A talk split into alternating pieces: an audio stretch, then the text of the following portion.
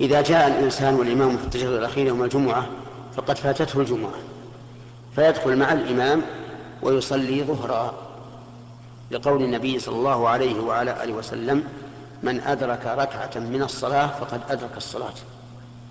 فإن مفهوم هذا أن من أدرك أقل من ذلك لم يكن مدركا للصلاة.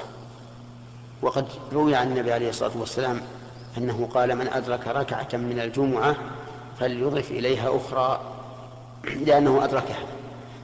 وإذا كان السؤال الذي في قلبك الآن أن هذا الرجل صلى أدرك الإمام يوم الجمعة في التشهد الأخير وصلى ركعتين فقل له يجب عليه الآن أن يعيدها يعيدها ظهرا أربعا.